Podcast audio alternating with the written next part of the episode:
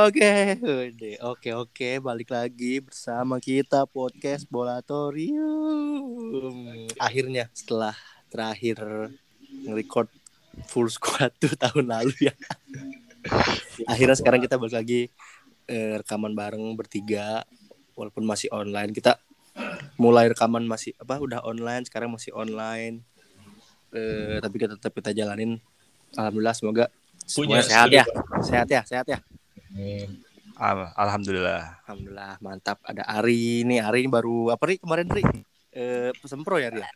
Eh iya iya, ini Kapan, Ri? baru kapan sidang sidang ini kapan skripsinya kalau nggak ada hambatan sih Agustus ya. ah Gitu. salah lah Iya. lemah ya sedangkan Iya, Apip iya, sama iya. kita eh sama gua sama gua Mm. sudah menempuh hidup baru nih Yo. Iya. setelah hidup perkuliahan Iya, kirain ini nikah. nah eh akhirnya kita rekaman lagi bertiga lengkap paket lengkap setelah kemarin eh gua doang sama Apip berdua terus ada Gara juga eh apa podcaster cabutan Apip ya Iya, cabutan, cabutan. yang nggak kita bayar kan.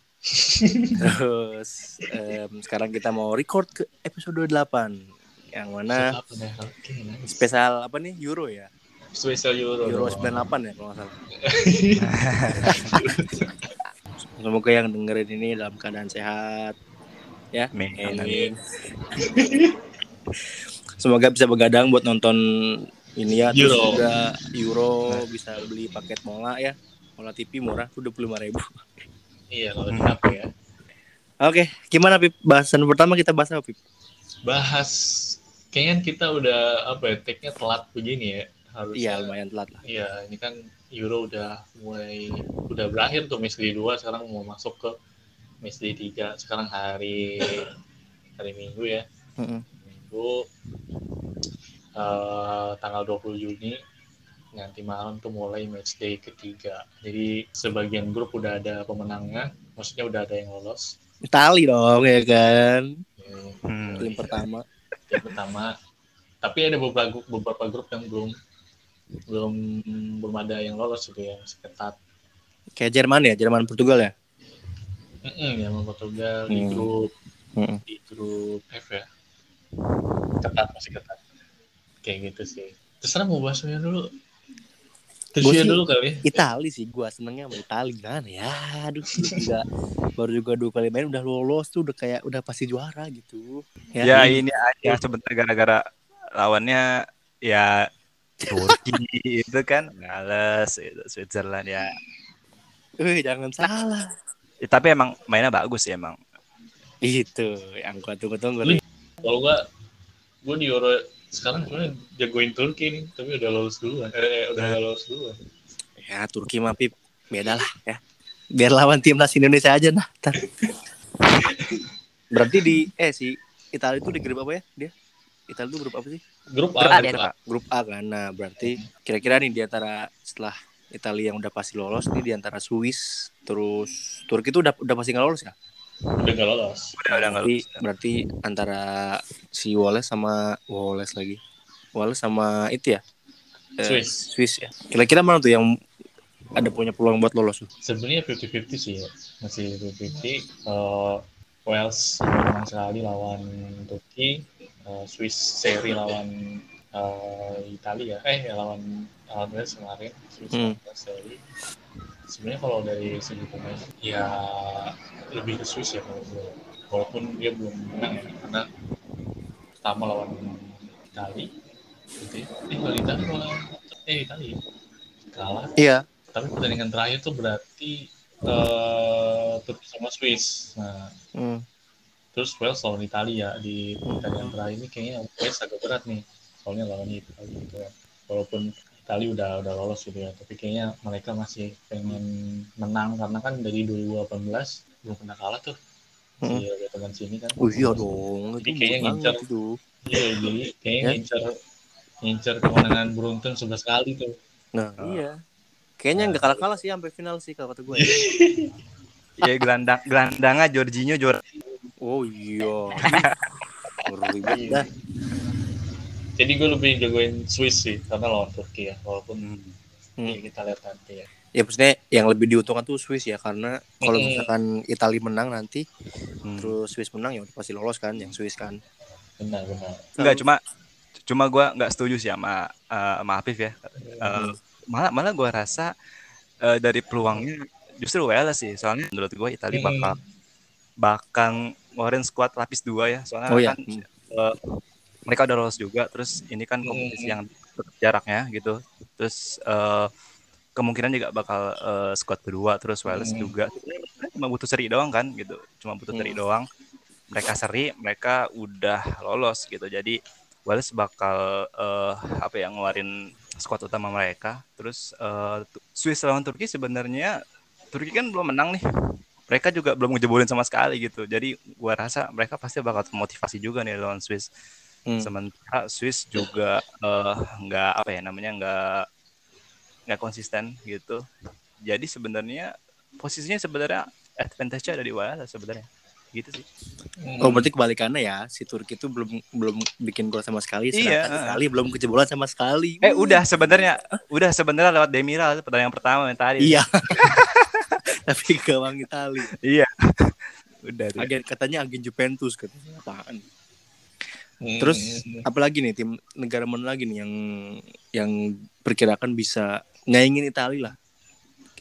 Si Euro ini, si Euro ini dia nggak dua kali putaran ya? enggak lah enggak, enggak. Sekali Satu- doang putaran dong, setengah Hmm. setengah. Terus ntar dia di 16 besarnya dikocok atau gimana tuh? 16 besar sebenarnya udah ada ininya jadi kayak Udah ada Italia oh, tuh oke.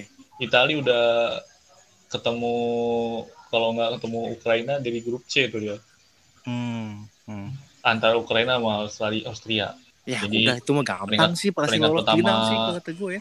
peringkat pertama grup A Hmm, peringkat pertama grup A bakal ketemu peringkat kedua grup C Hmm. Oh jadi oh dari grup C. Mm-mm, dari grup C antara Ukraina atau Austria tuh soalnya kan grup C itu Hmm. yang lolos sudah pasti Belanda tuh Udah pasti lolos ya? Oh iya, udah lolos. lolos. Oh dia jadi sistemnya tuh ngelawan yang rang- juara dua ya? Mm-mm, tapi Iya, di acak sih sebenarnya Oke.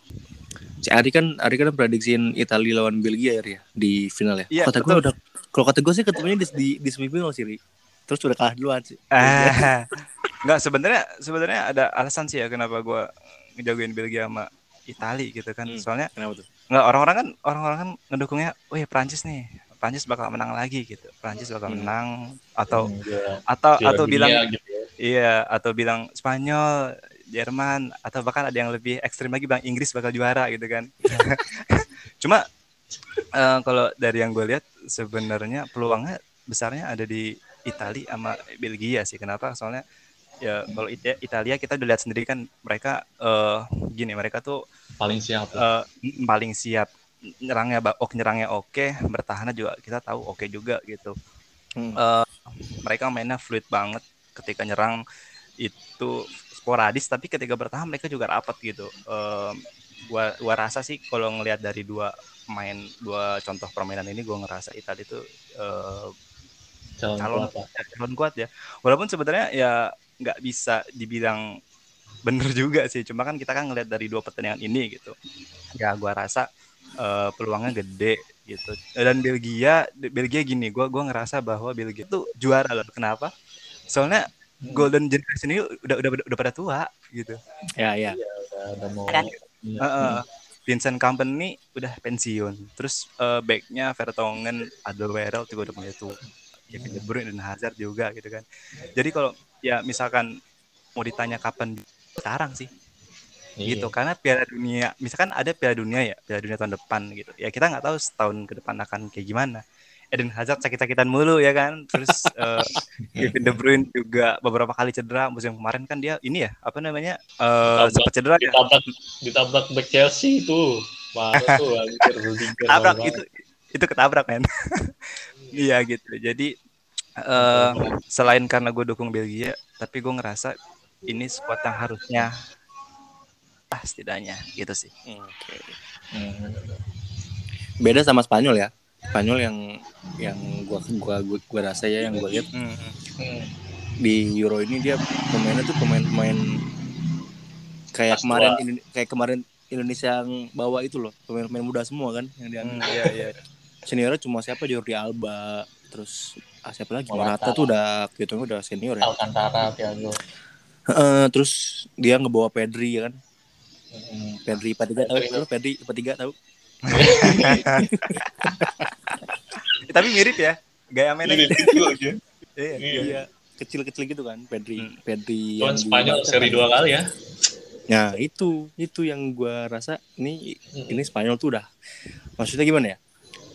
Eh, karena kan kalau misalkan timnas itu kan dia pasti kan ada ada ada masanya ya, maksudnya masa yang masa emasnya, terus dia ketika dia masuk ke apa namanya, masuk ke zona baru, ke ini baru dia ada tim ada apa pemain baru Hmm. yang nah gue liat Spanyol nih kayaknya masih nyari-nyari gitu.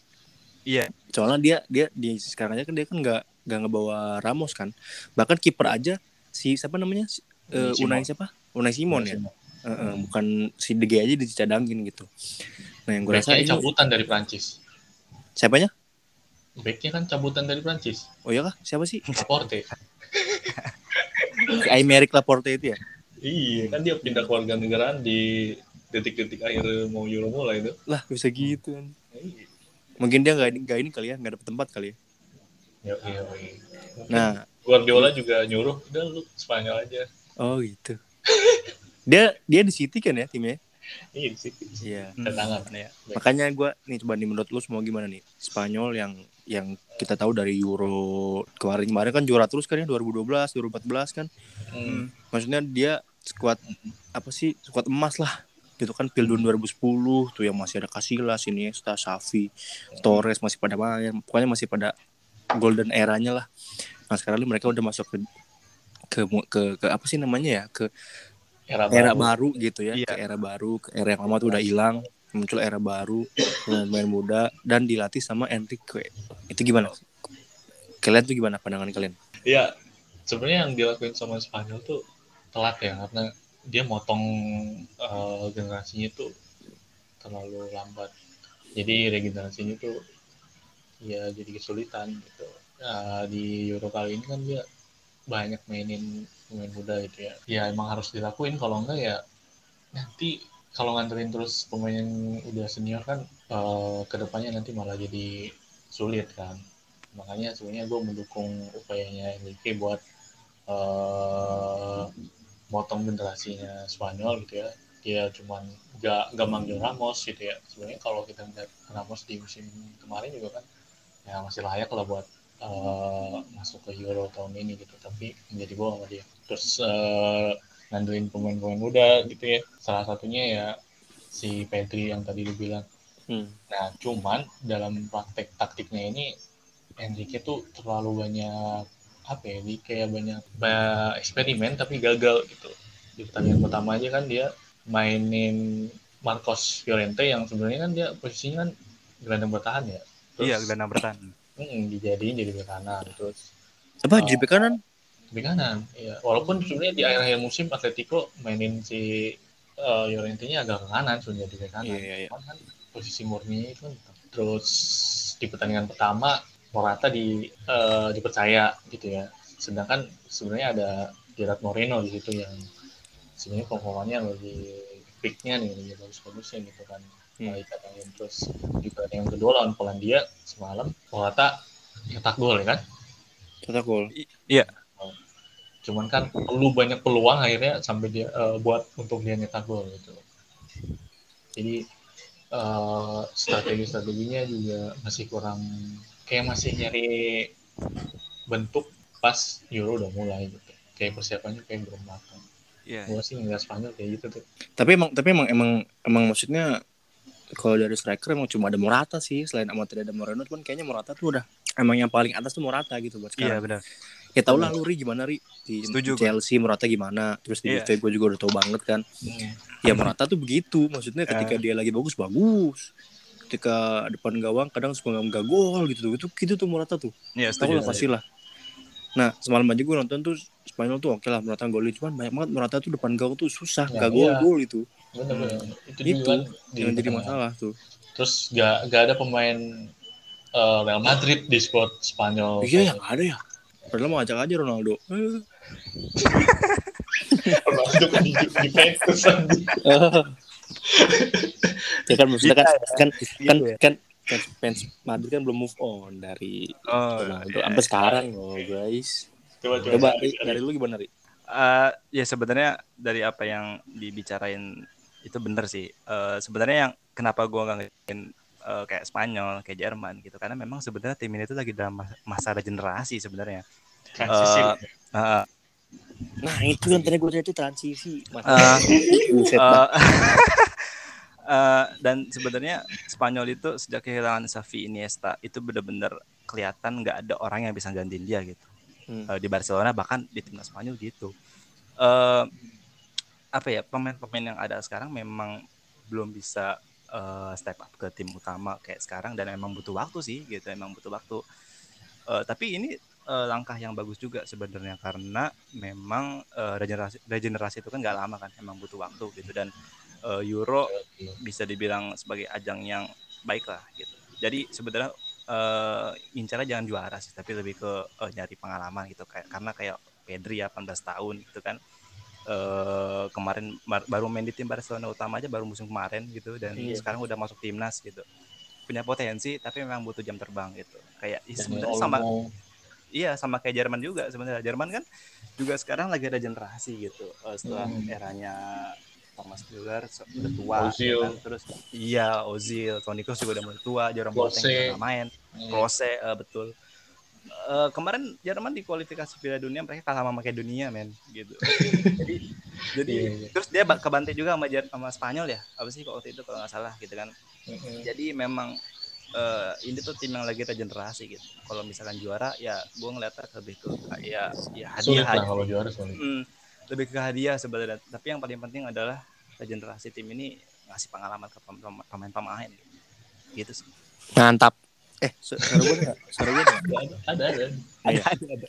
iya iya benar banget dari apa yang tadi itu masa transisi itu loh nah Hmm. yang maksud gua yang sekarang tuh kenapa bisa jadi tahunnya Italia karena masa transisi itu udah mateng semua pemain-pemainnya tuh udah pemain-pemain muda yang tapi udah di timnya tuh jadi tim inti semua tuh kayak ada Locatelli kan di tengah terus ada Jorginho terus ada ini apa namanya eh, apa siapa Immobile. iya Immobile itu kan Immobile kan udah udah, udah senior sih sebenarnya Hmm. kalau striker sih alhamdulillah maksudnya masih masih adaan lah gitu kan si Immobile terus Belotti Hmm, Belotti ya. Belotti terus wingernya nih wingernya banyak banget ada In- Insigne juga udah tua sih sebenarnya Insigne Hmm. Terus ada Chiesa nah ada Berardi juga dari Sassuolo terus Hmm. sebenarnya yang PR dari Italia itu cuma back tengah sih back tengah tuh mereka masih ngandelin Bonucci sama Chiellini Iya betul. Romagnoli aja nggak dibawa Hmm. dari Milan kan Iya. maksudnya gua maksud gua yang yang yang pemain muda yang bagus gitu kan nggak Bastoni dibawa di Bastoni? Bastoni kayaknya nggak tahu deh kayaknya enggak Ada, deh ada, ada. Ah, ada ya cuman lebih kemarin tuh pas pas Chiellini cedera yang dimain tuh Acerbi ACRB ya. Mm, Acerbi. dia yang masuk ya oke lah maksudnya diganti pasti duetin sama Bonucci oke oke aja terus back kiri juga ada Spinazzola tuh bagus banget main itu dia back Oh, kiri gitu. tapi kanan kaki kanan tuh jarang banget kayak jam rota itu udah keren banget itu. Mm-mm. terus back kanannya ada di Marco itu dia dari tim kecil sebenarnya tapi bagus mainnya dia dari Hellas Verona kalau nggak salah. Sama kipernya aman lah kipernya Donnarumma kan udah aman lah sampai Piala Dunia 2040 juga kayaknya. Nah ini kita kita di podcast di episode 8 ini kita highlight aja tim-tim besar yang mana punya potensi buat juara nih. Nah gue mau geser tiket ke Jerman. Jerman ini kan sama lah em, dalam masa, transisi ya tapi kayak apa dia ada dia ada apa Gena, Gnabry ya terus Iya. Gnabry. siapa lagi sih striker strikernya tuh Soal striker, Werner ya. Muller, Apa Werner, Gnabry, Gnabry sebenarnya bukan striker juga. dia winger kan ya winger kan ya Timo Werner siapa lagi? nah itu Werner legend itu legend Chelsea ya Iya. Iya. Nah, dan Eh, sama kayak Cek sama kayak Spanyol mungkin mereka juga termasuk ke tim yang sedang masa transisi ya kan tapi dia bawa bawa Hamels ya Iya. Iya. nah ini yang yang gue bilang tadi nggak ada di Spanyol maksud gue Spanyol tuh sebenarnya nggak nggak masalah bawa aja si Ramos untuk ngebus moral tim sendiri kan maksud gue pengalaman mereka pengalaman itu yang dibutuhkan gitu Hmm, benar. kayak Setuju, Italia aja masih masih ngebawa Ronaldo di. Portugal ya. Nah kayak gitu kayak PP juga di masih dibawa seenggaknya untuk tahun inilah gitu maksudnya gue dibawa mau dibawa aja masalah memang ya gimana gimana nanti gitu Hmm. karena kok kata gue penting untuk pemain tuh nge, nge-boost moral tuh penting pemain-pemain senior gitu ya. Nah Jerman nih gimana nih? Menurut kalian peluangnya kayak apa? Ya sebenarnya mau nambahin sih tadi yang yang gue omongin tadi eh, ya Prancis eh Prancis Spanyol sama Jerman ini kan masa transisi gitu. Cuma eh, Jerman ini emang lebih smooth aja sebenarnya gitu. Eh, kalau Prancis gue ngeliatnya lebih radikal aja gitu ya maksudnya pemain-pemainnya pemain-pemain baru gitu kalau Iya. kalau eh, Jerman ini dia kombinasinya bagus gitu sebenarnya Hummels kan emang nggak mau dibawa gitu Hummels emang nggak mau dibawa cuma Hmm. karena di Joachim Low ini eh, setelah di beberapa pertandingan sebelumnya itu Jerman mainnya nggak bagus jadi dia dipanggil lagi gitu Hmm. Eh, eh, peluangnya setelah gue ngeliat pertandingan kemarin gitu ya, kalau misalkan pemainnya masih kayak kemarin gue rasa peluangnya eh, ada gitu. Eh, mereka tuh sebenarnya eh, dari cara main udah udah udah kelihatan oke gitu. Tapi Hmm. memang masalahnya eh, ketika lu di counter gitu kan Eh, lagi-lagi lini belakang gitu. Cuma kalau misalkan eh, ngomongin soal peluang di kompetisi yang one off kayak gini gitu ya yang bukan liga gitu yang cuma satu kali ketemu doang eh Jerman mungkin bisa juara kalau misalkan dia lebih pragmatis aja sih gitu Oke jadi em, maksud gue eh jadi si Jerman ini punya peluang lah ya buat buat Punya juara dua kan maksudnya. Kan ketawanya Itali sih tetep Ri, ya. I, i, i Belgia Italia finalnya. Bener Ya, serius. bisa lah bisa lah bisa lah Eh, apa namanya? Semifinal aja. semifinalnya semifinalnya Itali Jerman Belgia sama satu laginya eh Siapa? siapa ya? Apa? siapa yang cocok ya ya? Gini gini gini Prancis, udah Prancis, kayak Prancis, Prancis. ya oke lah oke lah Prancis lah udah Prancis kayak lah. beli makanan di warteg anjir. nah kalau kalau Prancis tuh dia tuh udah mak gue ngeliatnya udah paling mateng sih dari segi pemain ya maksud gue setuju setuju dia transisi itu udah pas kemarin pas World Cup dan bagus banget gitu jadinya langsung Hmm. juara malah ya kan Bape terus eh ya Pogba terus Kante ngolo Kante itu udah Ih, itu Pala, gue lala, lala. pengen di Juve itu ganti aja masih Arthur lah tuker lah ya Da- dari lu gimana Bib? Ya tadi kalau Jerman transisinya sebenarnya lebih lebih matang ya karena pemain-pemainnya itu udah jadi pemain inti di klub-klubnya masing-masing gitu kan Hmm. dibanding sama Spanyol misalnya. Terus eh, mainnya juga mainnya juga di tim yang udah mapan gitu kan, tim besar, eh, Havertz di Chelsea gitu kan, Chelsea eh, Gosens walaupun di Atalanta tapi kan Atalanta kan eh, lebih baik daripada Juventus ya. Cuek. Setuju gue kayak gitu. Cuman kan eh cuman kan di laga terakhir kan ter Jerman lawan Hungaria terus Portugal lawan Prancis. Hmm. tiga tim ini Prancis Jerman Portugal masih punya peluang yang sama buat lolos gitu walaupun Hmm, Prancis iya, iya. Hmm. lebih besar lah karena dia nggak pernah belum pernah kalah tuh ya nah, kalau Jerman ini sebenarnya kalau dari sisi pemain tuh udah F1 semua lah dari depan sampai belakang sampai kiper gitu kan Hmm. Hmm. itu masalahnya kadang si Joaquim Low ini kan yang jadi pertanyaan dia ini bikin perubahan di setelah ke dunia gagal kemarin 2018 ya kan? Fase grup yang gak lolos kalah sama Sintayong. Cinta ya iya ya iya kan? Sama Tottenham Min gitu ya. Dia kayaknya mesti bikin perubahan tapi nanggung perubahan itu. Hmm. kayak coba merubah taktik dari 4 2 3 selalu 3 4 3 gitu. Cuman dibanding pertandingan pertama sama pertandingan kedua emang beda jauh situ. Pas lawan Prancis sama lawan eh, Portugal ya. Kayak Werner lebih baik lebih bagus Gnabry main dibanding Werner setuju gue kalau menurut gua. iya Keren banget semalam. lu bener lu lu lu bener banget itu gue setuju Iya. Bagusan, bagusan Gnabry ditaruh jadi striker itu cocok banget sama Muller. Iya.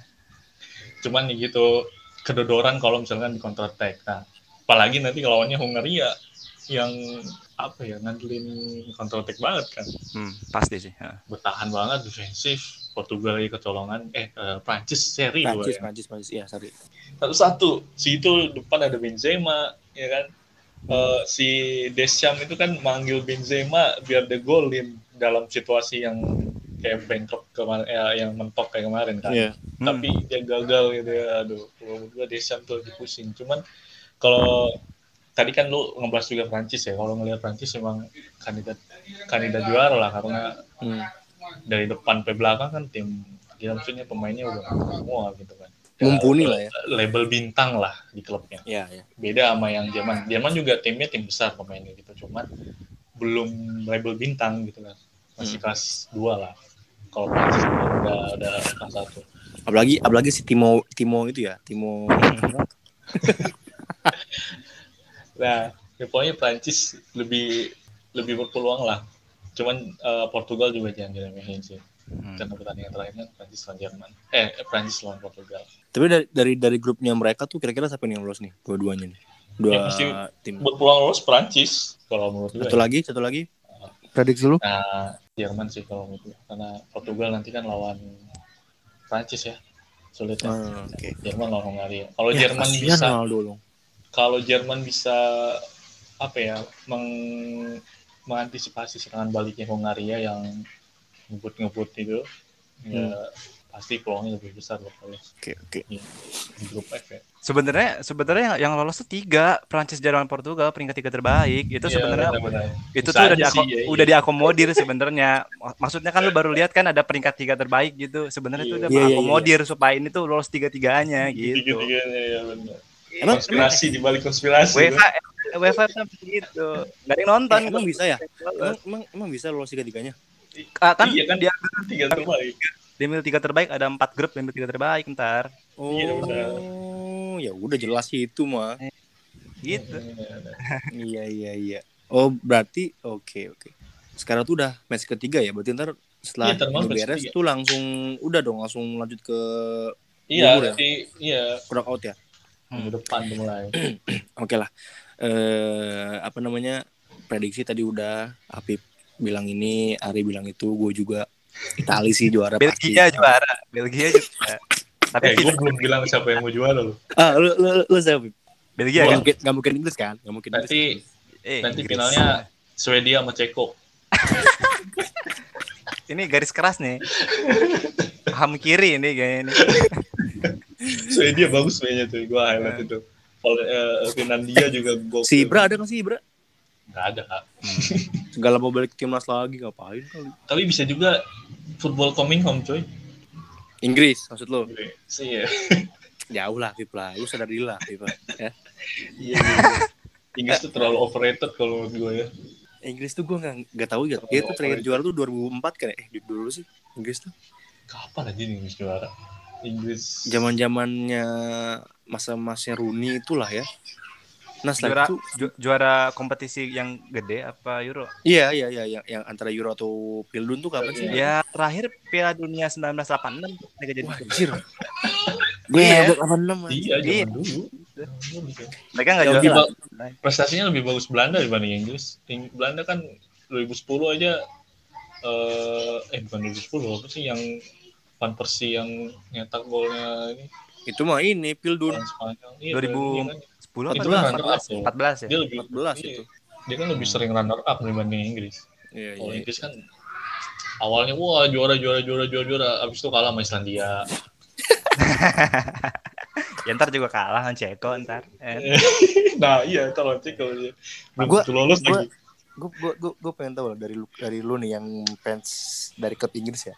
Hmm. Ini tuh Inggris tuh ada di mana masalahnya sebenarnya? Kalau kalau Inggris tuh sebenarnya masalahnya di ego sih.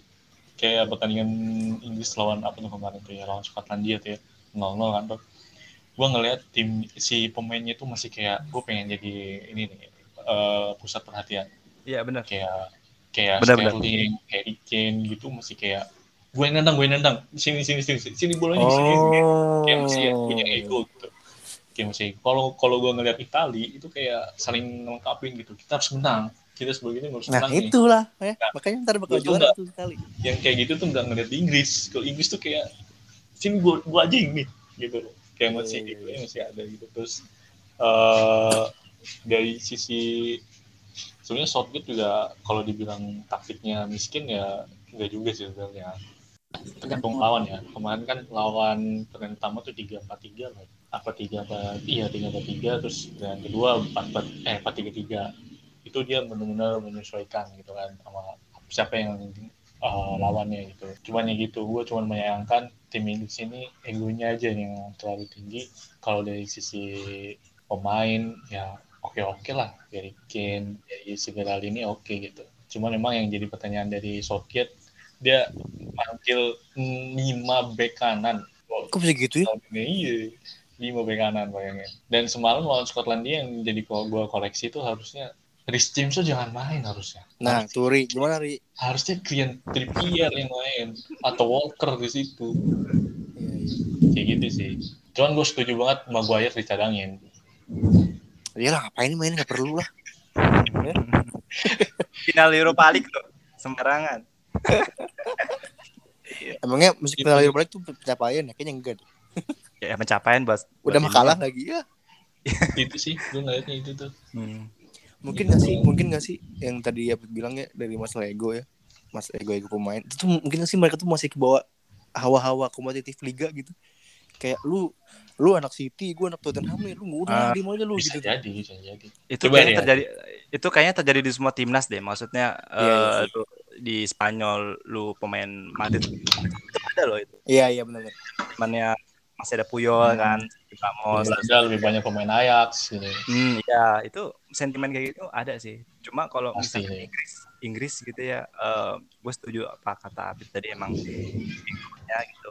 Mereka tuh, eh kalau gue sih yang ngeliatnya mereka tuh eh, arogansinya tinggi gitu karena merasa mereka adalah liga yang terbaik dalam tanda kutip ya di dunia. Mm-mm, iya. Eh, bahkan Southgate kan pernah ngomong gitu kalau misalkan eh, ngeritik kalau pemain-pemain Inggris tuh nggak ada yang mau main di luar negeri gitu. Karena ngerasa memang liga mereka liga terbaik gitu. Padahal Oh, oke. dia bilang pemain itu terlalu apa ya mereka tuh terlalu ngerasa kalau mereka tuh di center of the world gitu kan atau pusat gitu. eh kalau kita lihat kan ya enggak ada Eh, mereka terlalu egois terlalu eh, ngerasa paling hebat gitu jadi ya lu lihat aja kan yang lawan Scotland sih bener Eh, lu lihat Sterling bawa bola nggak jelas gitu kan terlalu Grealish juga Iya berarti Inggris nih masalahnya tuh kayaknya udah udah dari tahun kapan ya masalahnya gitu-gitu aja ya. Maksudnya mereka nggak ada perubahan gitu. terus Perubahan, pema- perubahan pemain sih ada, cuman kayaknya dari progres mereka kayaknya di situ-situ aja gitu. Hmm, bener. terus mungkin karena liganya yang jadi sorotan dunia ya semua orang tahu gitu ya Nah iya benar. itu juga bisa jadi kelemahan gitu kan Eh, bandingkan sama sama Finlandia misalnya ya Hmm. ya cuma beberapa pemain yang diketahui sama publik gitu ya Hmm. cuman kalau lu ngomong Inggris tuh dari depan sampai belakang lu tahu semua gitu Apa I- Inggris liga terbaik dunia Serie A dong. Nih di Euro nih udah banyak pemain yang dapat MVP loh guys ya. Gosen semalam ya. Yo, iya, Terus iya. ada Mirancuk, eh terus ada Locatelli, terus itu ada Man- Ronaldo. Manuel Locatelli overrated man Wih bro itu itu itu Juve ya itu kan Juve kan Pembeli ya Pembeli itu Hmm. kemarin tuh sebelum Euro tuh dia dihargain 20 juta sekarang Ah. jadi 50 juta sama. Anjir, anjir. memanfaatkan momen kan sialan gitu gua emang kebetulan Wajar bagus sih kemarin dia golin dua kan apalagi kan Iya. kemarin si Locatelli itu Hmm. golin dua kan kalau ini kalau dari kalian tuh dari misalkan misalkan misalkan gue fans Italia nih terus gue misalkan demen sama pemain satu kalian ada nggak di kompetisi Euro ini satu pemain yang yang kalian dukung banget tuh kayak kalian idolakan banget lah Hmm, gitu. bagus, Di- tapi tapi tapi di di kompetisi ini aja ya Pertanyaan bukan bagus. secara keseluruhan Di Euro ini gue mengidolakan Patrick Schick sih gue. Eh, iya, dia dia dia tuh eh, dia kan orangnya tinggi gede gitu kan.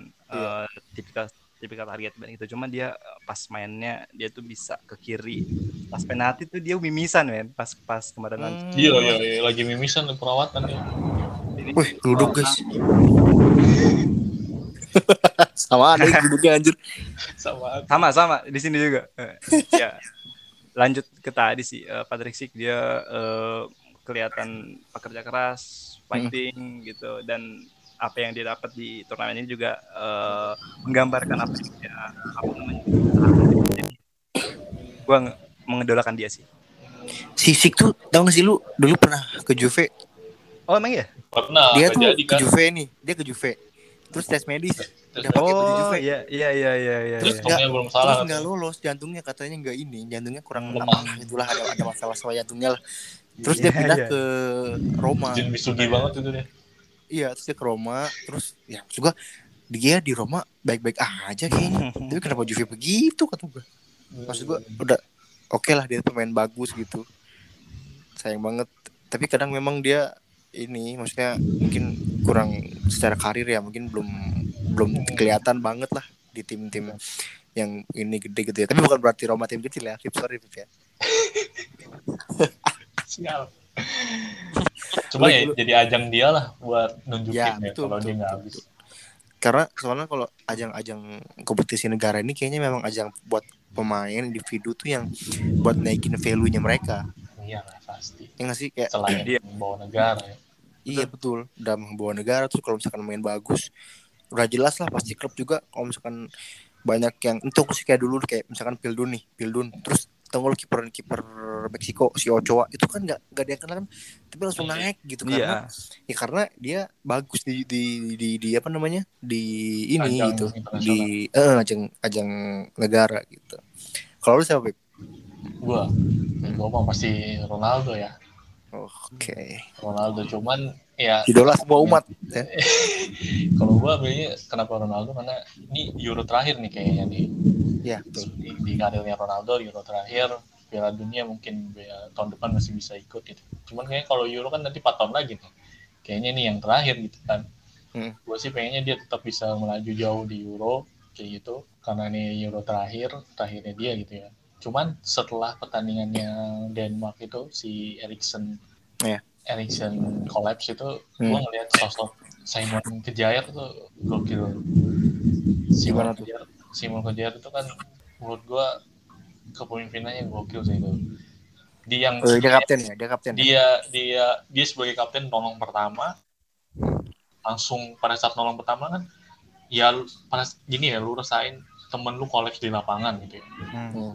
Dia nggak panik dia nggak maksudnya dia nggak nggak panik gitu ya dia bisa langsung nolongin pertama gitu ya langsung Hmm. koordinir eh, teman-temannya buat ngerumbungin si Erik Erikson buat ditutupin gitu ya. Manggil dokter. Terus eh, kan ada meluk istrinya ya. Ya. maksudnya menenangkan gitu menenangkan Iya, istrinya yang menenangkan. panik ya? Iya menenangkan Karena Erikson panik. dan menurut gue itu gokil sih. Kalau dia apa ya kepemimpinan dia nggak benar-benar mentalnya kuat kayaknya bakal panik atau nangis gitu. Mhm. karena sebagian dari tim Denmark kan nangis semua tuh. iya itu yang pas yang Iya. pas dia nutupin nangis. itu kan langsung ada yang nangis kan? Nangis terus panik sebagian pemain panik. Dia sendiri yang langsung dokter masuk. Langsung ngomong ke wasit berhentiin pertandingan. Dokter masuk dia langsung ngomongin ke temennya buat ngomongin menurut gue itu Hmm. appreciate lah di, di situ kita belajar bola itu bukan sekedar uh, permainan kayaknya kayaknya kalau kalau ada nom, apa nominasi pemain terbaik atau ter fair play atau ter apa kayaknya si itu bisa menang sih si Benar. Jair itu saya, saya Hmm. karena lead- leadershipnya tuh luar biasa gitu benar nenangin dia kan dia kan setelah si Erikson collapse kan langsung ngecek lidahnya kan takutnya kan ketelan ya Hmm. kayak dulu si Torres gitu kan dia langsung dicek lidahnya tuh kan. Ya. untungnya alhamdulillah si Erikson sekarang baik-baik aja gitu. Terus kemarin sempat ada sempat ada rumor kalau dia bakal ini pensiun dini katanya Erikson cuma nggak tahu katanya masih dicek sama kedokteran di sana gitu. Hmm. tapi udah sehat ya? Katanya udah sehat udah siap ini lagi ya katanya. Jajan Udah seblak dan yang menarik dan yang udah menarik sehat lagi dokter yang eh, nanganin Erikson mantan pemain bulu tangkis yang udah kalahin Tobi kita Iya kan? iya. Nah, itu eh itu tuh gimana sih bisa jadi ke tim Mendes gitu? Ya kan Gokil banget. Jadi kalau di Denmark tuh nggak aneh kalau misalkan orang tuh dua apa ya setelah dia nuntasin satu jurusan dan sekolah apa gitu pertamanya terus sekolah lagi tuh nggak aneh di sana. Hmm. Jadi si namanya kan Martin Busen ini setelah setelah pensiun dari atlet itu dia ngambil jurusan kedokteran cuy oh oke lulus terus dia ya ngabdi lah di gelaran Euro di negaranya kan di Copenhagen. Hmm. Agak kaget sih itu gue pertama kali lihat berita itu di Jawa Pos tuh. Iya kayaknya kayaknya kalau misalkan nggak kesorot media kayaknya nggak akan ada yang tahu sih. Karena kan mereka kan pakai masker juga kan. Hmm. Kayaknya kalau nggak kalau nggak kesorot media ini sih nggak ada yang tahu. Gue juga nggak tahu pas gue baca. Oh iya. Namanya itu kan Busen kayaknya, wih, kayaknya pernah gue nonton ya dulu gitu. Iya iya. Berarti tahun kapan ya? Tapi Great masih main juga tahun kapan? 2000 ya dulu pas di Thomas Cup atau yang ketemunya. Oke. ya berarti Apip eh siapa tadi Ronaldo sama Kejair lah ya. Siapa sih Kejair? Kejair itu lah ya. Simon? Cat. Cat. Cat. Kalau gue yang lagi baru semalam naik namanya itu adalah Robin Gosens bro. Yoi. Ini pemain ya. Gue aja baru tahu dia masuk timnas gitu. Gue baru tahu dia dibawa sama timnas Jerman gitu ya. Terus baru sekarang langsung tim inti. Ah, dia kan maksudnya main di Atalanta kan kayaknya nggak kurang ke ini ya kurang ke hype itulah namanya dia. Terus semalam tuh langsung setelah dia asis terus dia nyetak gol juga eh, dia jadi MVP juga itu dia langsung di apa ya langsung dikenal banyak orang gitu. Terus ada yang bilang dia mirip Podolski katanya. Iya. Iya emang. Namanya mirip Podolski terus dia pakai nomor nomornya nom- nomor-nomor Podolski 20 ya kan. Emang Gosens nih eh, dia juga kayaknya umur ada 28 atau 26 gitu ya. 26 dia 26 tahun. Iya 26 kan? Hmm. Eh, Dia udah masa matang lah itu Terus di Atalanta juga emang bagus mainnya. Ketika apa Gua main FM juga bagus banget itu. Dilihat di ya? bagus. Hmm, Jadi gua kalau dari pemain yang gua lihat nih secara kompetisi itu si Robin Gosens back kiri itu bagus banget men itu orang. Jangkung kan jangkung terus speednya cepet. Itu udah keren banget dah Lebih bagus daripada Spinazzola berarti ya. Eh, kalau gue, gue, gue ngeliat Spinazzola tuh lebih karena keuniknya aja sih, karena Hmm. jarang-jarang back kiri yang pakai kaki kanan kan. Oh iya. Selain dulu kalau di Italia ada. Darmian, ada Siglio, cuman dia tuh kayak tipikal back yang gue inget sama Jamrota gitu. Hmm, iya. Karena jarang-jarang back kiri tuh pakai, karena kan kalau buat crossing kan susah ya. Kalau crossing kan harus dia harus cut inside dulu kan, baru dia bisa crossing kan. Nah itu unik aja gue ngeliat. Cuma kalau misalkan dari segi apa ya efektivitas dia eh, sebagai back kiri tuh ya si Gosens tadi. Sebagai penggila back kiri gue demen banget tuh. Keren banget dah. Lu gak jagoin Spinazzola gara-gara Roma kali lu. Enggak, gue gue gue enggak enggak masalah sama itu. Cuman gue sangat menanyakan justru kenapa dijual gitu. Karena Spinazzola tuh kan kalau nggak salah tuh dia tuh sempat cedera lama di Juve tuh sempat cedera cedera hampir setengah musim lah cedera. Terus hmm, pertandingan terbaiknya dia tuh pas lawan Atlet- Atletico Madrid itu tuh gantiin Sandro. Terus mainnya bagus banget itu di situ. Terus dijual anjir kata gue lah sayang banget. gitu lah. Gitu lah. Oke. Ada yang bilang katanya Euro tahun ini tuh nggak seru katanya. Karena eh, dari segi keseruan pertandingan itu kayak katanya kurang seru. Terus ada yang bilang juga eh, pemainnya kurang antusias sama kompetisinya atau apalah gitu lah. Gue sempat denger rumor yang gitulah dari orang-orang. Wah, Kayaknya nih Euro begini tuh nggak seru lah. Nah itu gimana menurut kalian? Ari, dah, Ari, Ari, Ari. Oke. Eh itu yang ngomong dari orang-orang mana ya? Orang-orang luar apa orang sini? Orang sini ada, orang luar juga ada. Gue Twitter. Eh mungkin kalau orang sini karena dia ngebandinginnya sama yang tahun lalu ya. Eh tahun lalu yang episode apa yang 16. Istilah ya eh, 2016. Soalnya kan waktu itu kita lagi bulan puasa ya kalau nggak salah ya. Jadi eh, vibes-nya itu nyampur gitu bulan puasa sama nonton bola gitu kan. Ah, Mungkin benar, mereka benar. membandingannya ke situ mungkin gitu. Cuma eh ya bener sih karena memang ini kan di 11 negara ya. Di 11 11 negara gitu. Emang feelnya emang nggak emang mungkin nggak kerasa ya. Jadi misah-misah nyebar-nyebar gitu kalau eh, biasanya kan orang paling banyak dua negara doang kan. Waktu itu di Iya. Polandia sama apa sih waktu itu ya? Tahun 2000 Swiss, Swiss, Austria, Polandia. Ukraina.